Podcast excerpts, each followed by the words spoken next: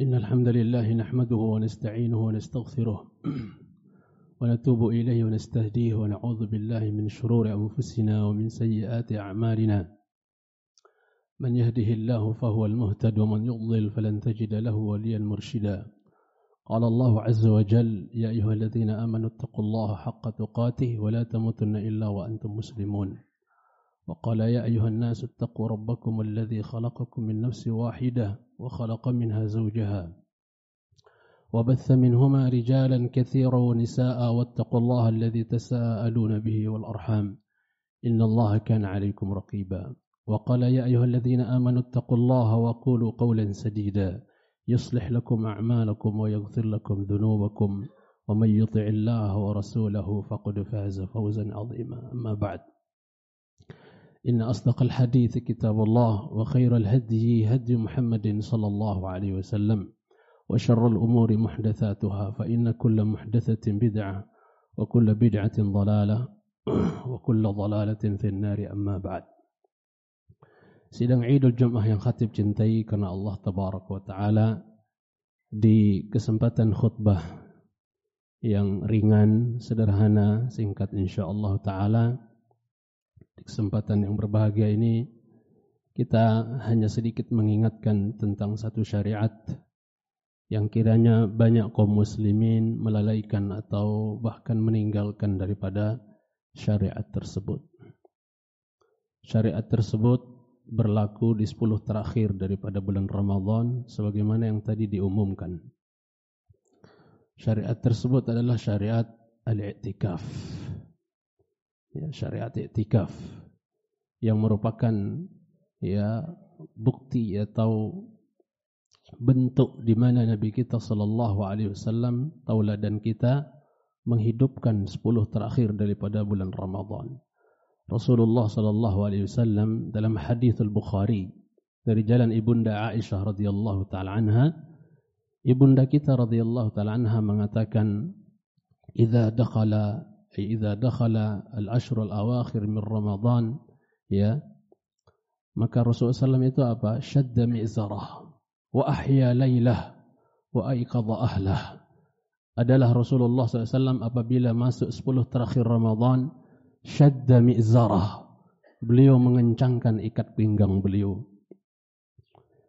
Ini adalah kinayah menunjukkan beliau betul-betul fokus betul-betul bersemangat tatkala tidak tersisa dari Ramadan kecuali 10 hari terakhir syadda mi'zarah beliau mengencangkan ikat pinggang beliau kemudian yang kedua ya ahya lailah beliau hidupkan malam beliau sallallahu alaihi wasallam dengan qiyam dan yang lainnya. Ya. Kemudian yang ketiga aiqadha ahlah.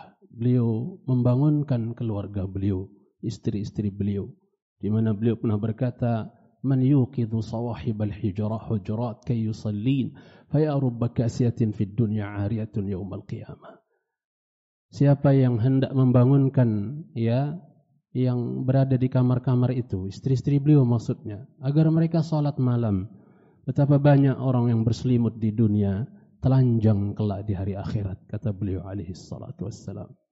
Beliau pernah mengatakan dalam hadis Muslim kepada istri beliau Aisyah radhiyallahu taala anha, "Ya Aisyah, qumi wa autiri." Wahai Aisyah, bangunlah istriku, bangunlah engkau dan witirlah. Kita tahu witir adalah penutup daripada salat malam.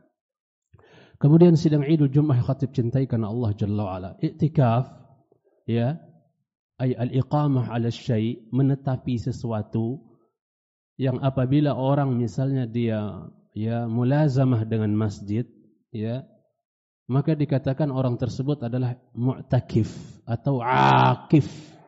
Kalau enggak akif, ya mu'takif sama saja. Orang yang mulazamah berdiam di masjid, itu mana, itu namanya orang yang akif atau mu'takif, orang yang beriktikaf. Tidak ada memang dalil khusus sarih menjelaskan tentang fadilah keutamaan daripada iktikaf. Tapi kita sebagai hamba yang baik tahu enggak tahu atau ada enggak adanya dalil yang menunjukkan tentang fadilah daripada iktikaf, cukup bahwasanya iktikaf itu disyariatkan Allah sudah cukup menjadi modal untuk kita amalkan dia. Ya, karena Allah Jalla ala mensinyalir dalam Al-Qur'an. Allah katakan wala tubashiruhunna wa antum 'akifuna fil masajid. Jangan kau ya campuri istri-istrimu tersebut sedangkan kalian dalam kondisi i'tikaf di masjid. Cukup Allah yang mesti nyalir tentang i'tikaf walaupun enggak ada hadis sharih menjelaskan tentang keutamaannya. Cukup Allah karena Allah yang mensyariatkan, wis kita kerjakan. Kita amalkan. Ya, cukup dikarenakan Nabi SAW tidak pernah meninggalkan itikaf, cukup menjadi modal untuk kita amalkan dia. Walaupun tidak ada hadis khusus menjelaskan tentang ya keutamaan daripada itikaf tersebut.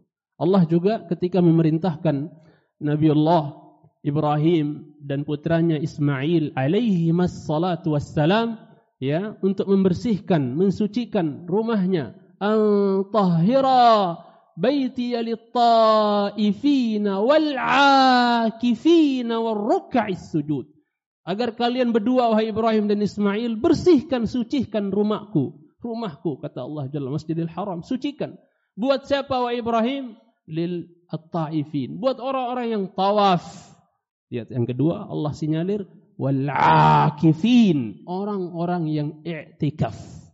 Cukuplah Allah SWT mensinyalir tentang itikaf dalam kitabnya menjadi modal kita untuk mengamalkan. Dan kedua cukup karena Rasulullah enggak pernah meninggalkan ya itikaf alaihi salatu wassalam cukup menjadi modal untuk kita amalkan dia. Maka sangat aneh bin ajaib sidang Idul Jumat yang khatib muliakan dan khatib cintai. Apabila ada seorang mukmin dia punya kesempatan, dia ada waktu ya untuk dia beriktikaf di rumah Allah terutama 10 terakhir Ramadan.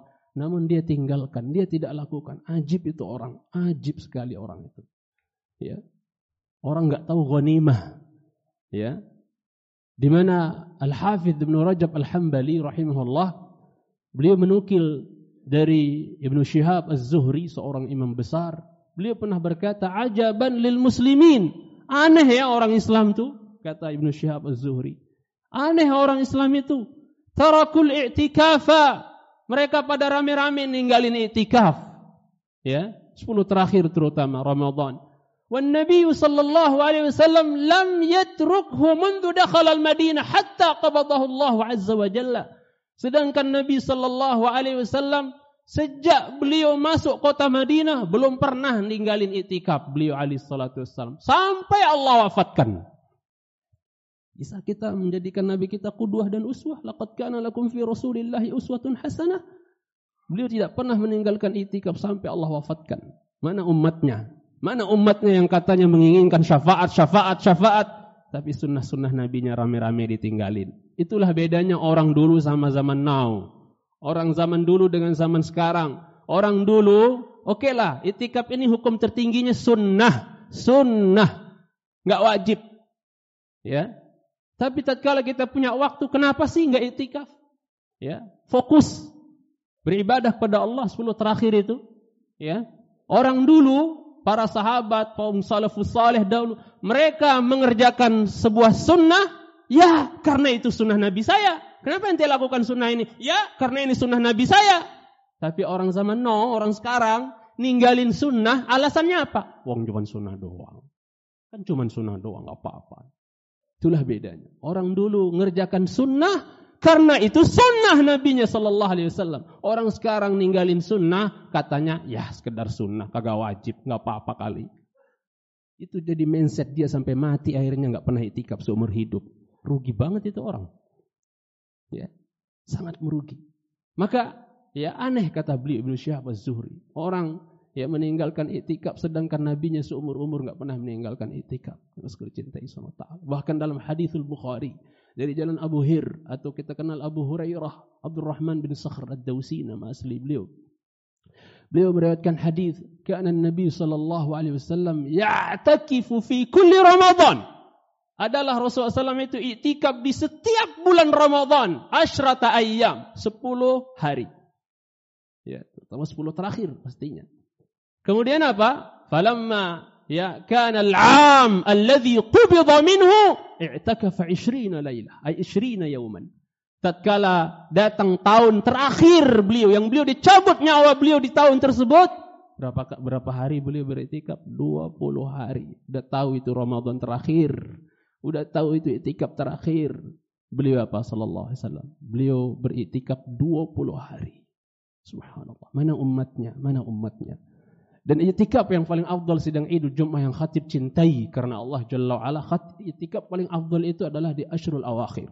Sepuluh terakhir daripada bulan Ramadan. Berdasarkan hadis Bukhari dan Muslim dari jalan Ibunda Aisyah radhiyallahu taala anha, anna Nabi sallallahu alaihi wasallam kana ya'takifu fil ashr al awakhir hatta yatawaffahu Allah azza wa jalla, thumma i'takafa i'takafat azwajuhu min ba'dih. Adalah Rasulullah SAW beriktikaf di sepuluh terakhir daripada bulan Ramadan Sampai Allah wafatkan beliau alaihi salatu wassalam. Allah wafatkan beliau SAW. Itikaf terus. Maka setelah Rasulullah SAW wafat, baru istri-istri beliau SAW beritikaf. Istri-istri Nabi SAW beritikaf di masjid Rasulullah sallallahu alaihi wasallam. Yang tujuan utama daripada itikaf ini disebutkan oleh ahli ilmu jamaah banyak sekali memang, tapi di antaranya kita sebut di antara tujuan maqasidul i'tikaf Iktikaf tujuan utama daripada iktikaf itu yang pertama adalah tahri lailatul qadar. Dalam rangka mengejar dan untuk berusaha mendapatkan ya malam lailatul qadar yang beribadah di malam itu ya pahalanya lebih baik mengalahkan daripada ibadah 83 tahun lebih. Ya, alfi syahr 1000 bulan subhanallah. Jadi rentan insyaallah orang yang beriktikaf untuk mendapatkan lailatul qadar karena fokus Rasul cintai Ustaz. Yang Rasul berkata man hurima khairuha faqad hurim. Siapa yang luput mendapatkan kebaikan malam Lailatul Qadar sungguh rugi orang itu. Dan jalan yang baik, jalan yang bagus untuk kita bisa raih Lailatul Qadar itu adalah dengan kita fokus di masjid beriktikaf. Ya, sekali cintai taala. Yang Nabi kita dalam hadis Aisyah dibuatkan kemah atau kayak tenda itu di masjid oleh oleh ibunda Aisyah radhiyallahu taala anha maka beliau masuk ke dalam tenda itu. Putus berhubungan dengan manusia. Beliau keluar hanya ketika mau salat fokus di dalam. Di dalam tenda beliau alaihi salatu wassalam. Sallallahu alaihi wasallam. Kemudian sedang Idul Jumat yang cintai sunat taala. Yang kedua tujuan utamanya adalah al khalwah billah. Al khalwatu ma'allah Ya dengan kita itikaf itu kita lebih bisa fokus untuk berdua-duaan dengan Allah khalwat. Berdua-duaan dengan Allah Jalla wa'ala. Berkasih-kasihan dengan Allah Jalla wa'ala. Berbisik-bisikan najwa dengan Allah Subhanahu wa ta'ala. Ya. Lebih fokus kita bisa berdua, bisa khalwat. Ya. Menyendiri dengan Allah Jalla fi'ula. Tatkala kita dalam keadaan apa? Beriktikaf. Terputus dari hubungan banyak manusia, perkara dunia dan seterusnya. Maka Al-Hafidh Ibn Hajar ya Ibnu Rajab Al-Hambali, Al-Hafiz Ibnu Rajab Al-Hambali ketika menjelaskan hakikat i'tikaf, beliau mengatakan haqiqatul i'tikaf. Hakikat daripada i'tikaf itu adalah apa? Kata beliau, qat'ul khal qat'ul 'ala'iq 'anil khala'iq lil ittisali bil khaliq.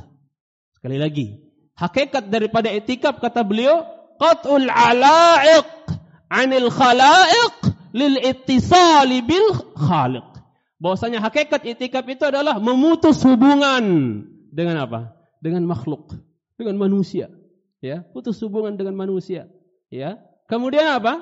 Ia menyambung hubungan dengan Allah Al-Khaliq, Rabbul Izzati wal Jalal. Itu hakikat daripada al-itikaf. Maka dari sini diusahakan tatkala kita dalam kondisi itikaf jangan terlalu banyak ngobrol dengan orang di samping kita, jangan jangan banyak ngobrol betul-betul kita usahakan bahwa banyakkan waktu-waktu kita itu ya betul-betul nyambung dengan Allah Rabbul Izzati wal Jalal. Namanya juga itikaf. Sekali cintai semua ta'ala. Kemudian juga dengan beritikaf, puasa kita insya Allah akan terjaga. Yang kalau kita di luar kan Masya Allah banyak yang bisa merusak puasa kita. Tapi dengan kita itikaf kan terjaga kita. Fokus enggak banyak hubungan sama orang, enggak ngumpat, enggak ngomel, enggak berantem sama orang. Fokus kita di masjid. Masa berantem sama Quran, masa berantem sama zikir dan seterusnya, masya Allah. Ya, itu lebih fokus. Kemudian juga sidang Idul Jumat yang, yang hatib cintai karena Allah Taala wa Taala dengan kita beriktikaf maka kita apa? At-taqallul mina ya al-mubahat. Kita bisa mengurangi diri dari hal-hal yang sifatnya mubah. Kalau di rumah mungkin orang 10 terakhir ya kadang-kadang enggak lepas cari berita kek, ini itu kek, nonton ini kek, ngapa-ngapain kek, kadang-kadang manfaat kek. Ha? Maka dengan dia beritikaf taqallul, dia mensedikitkan daripada perkara-perkara yang mubahat. Kemudian sidang Idul Jumat yang cintai sunnah taala. Saking pentingnya perkara itikaf ini, Rasulullah sallallahu alaihi wasallam dalam hadithul Bukhari dan Muslim itu apa? Pernah bahkan beliau saking pentingnya itikaf ini, tatkala suatu saat beliau uzur, ada sebab syar'i beliau tidak sempat itikaf, sebab syar'i. Maka beliau untuk mengganti ya daripada itikaf beliau tersebut, beliau qada di 10 akhir Syawal. 10 akhir Syawal beliau pernah mengqada itikaf ya daripada itikaf beliau yang tidak sempat beliau lakukan 10 terakhir Ramadan karena sebab tertentu dan panjang kalau khatib ceritakan sebabnya. Ya, yang jelas Beliau SAW saking tidak mau meninggalkan wirid beliau, rutinitas beliau setiap tahun berupa etikap. Tatkala beliau sempat tidak etikap, ya karena udur syar'i, maka beliau qada dalam hadis Bukhari dan Muslim di qada di bulan di bulan Syawal, 10 terakhir bulan Syawal. Saking pentingnya sidang Idul Jumat yang hati cintai Allah Taala. Ya. Dan orang yang pernah bernadar, misalnya ini faedah kita selipkan, orang yang pernah bernadar untuk itikaf, maka wajib untuk ditunaikan bayar daripada nazarnya tersebut dalam hadis ya Al-Bukhari juga bahwasanya apa? Umar bin Khattab radhiyallahu taala anhu pernah datang kepada Rasulullah SAW. Ya Rasulullah, inni kuntu nazartu ya fil jahiliyati an a'takifa lailatan fil Masjidil Haram. Ya Rasulullah, gimana nih ya? Saya dulu ketika masih jahiliyah, masih kafir, itu saya pernah perhatikan orang nazar iktikaf ketika masih kafir. Setelah Islam wajib wajib dia tunaikan apa tidak? Lihat saking pentingnya perkara itikaf ini nggak main-main. Gimana kalau orang yang nazar ini udah dalam keadaan Islam dia bernazar. Ini dia nazarnya masih kafir, masih jahiliyah Umar bin Khattab. Aku pernah bernazar ketika jahiliyah untuk itikaf semalam di Masjidil Haram. Bagaimana ya Rasulullah? Maka Rasulullah mengatakan, "Aufi binadrik." Tunaikan nazarmu wahai Umar. Fa'takafa. Akhirnya Umar apa? Menunaikan nazar dia dengan beritikaf semalam. Dari sini diambil dalil sebagian ulama bahwasanya sependek-pendek durasi orang iktikaf itu adalah semalam. Walaupun jumhur mayoritas ulama mayoritas ulama mengatakan la hadda li aqallih. Tidak ada batasan terpendek daripada iktikaf itu. Jadi orang bisa sejam, dua jam, tiga jam di malam hari tidur di masjid. Maksudnya bukan tidur, maksudnya ibadah. Mungkin ada istirahatnya juga. ya. Maka itu tidak masalah menurut jumhur ulama yang sekali cintai. Walau ada yang berpendapat satu malam. Ya, jadi ini kemudahan buat saudara-saudara kita yang mungkin 10 terakhir masih kerja, masuk kantor, hubungan kantor dengan kantornya dan seterusnya, belum libur dan seterusnya. Maka apa? Bisa dia ya siangnya masuk kantor, malamnya dia mampir apa itikaf di rumah Allah Jalla fi ula aqulu qul hadza wa astaghfirullah li wa lakum wa lisairil muslimin wal muslimat min kulli dhanbin wa khati'ah fastaghfiruhu innahu huwal ghafurur rahim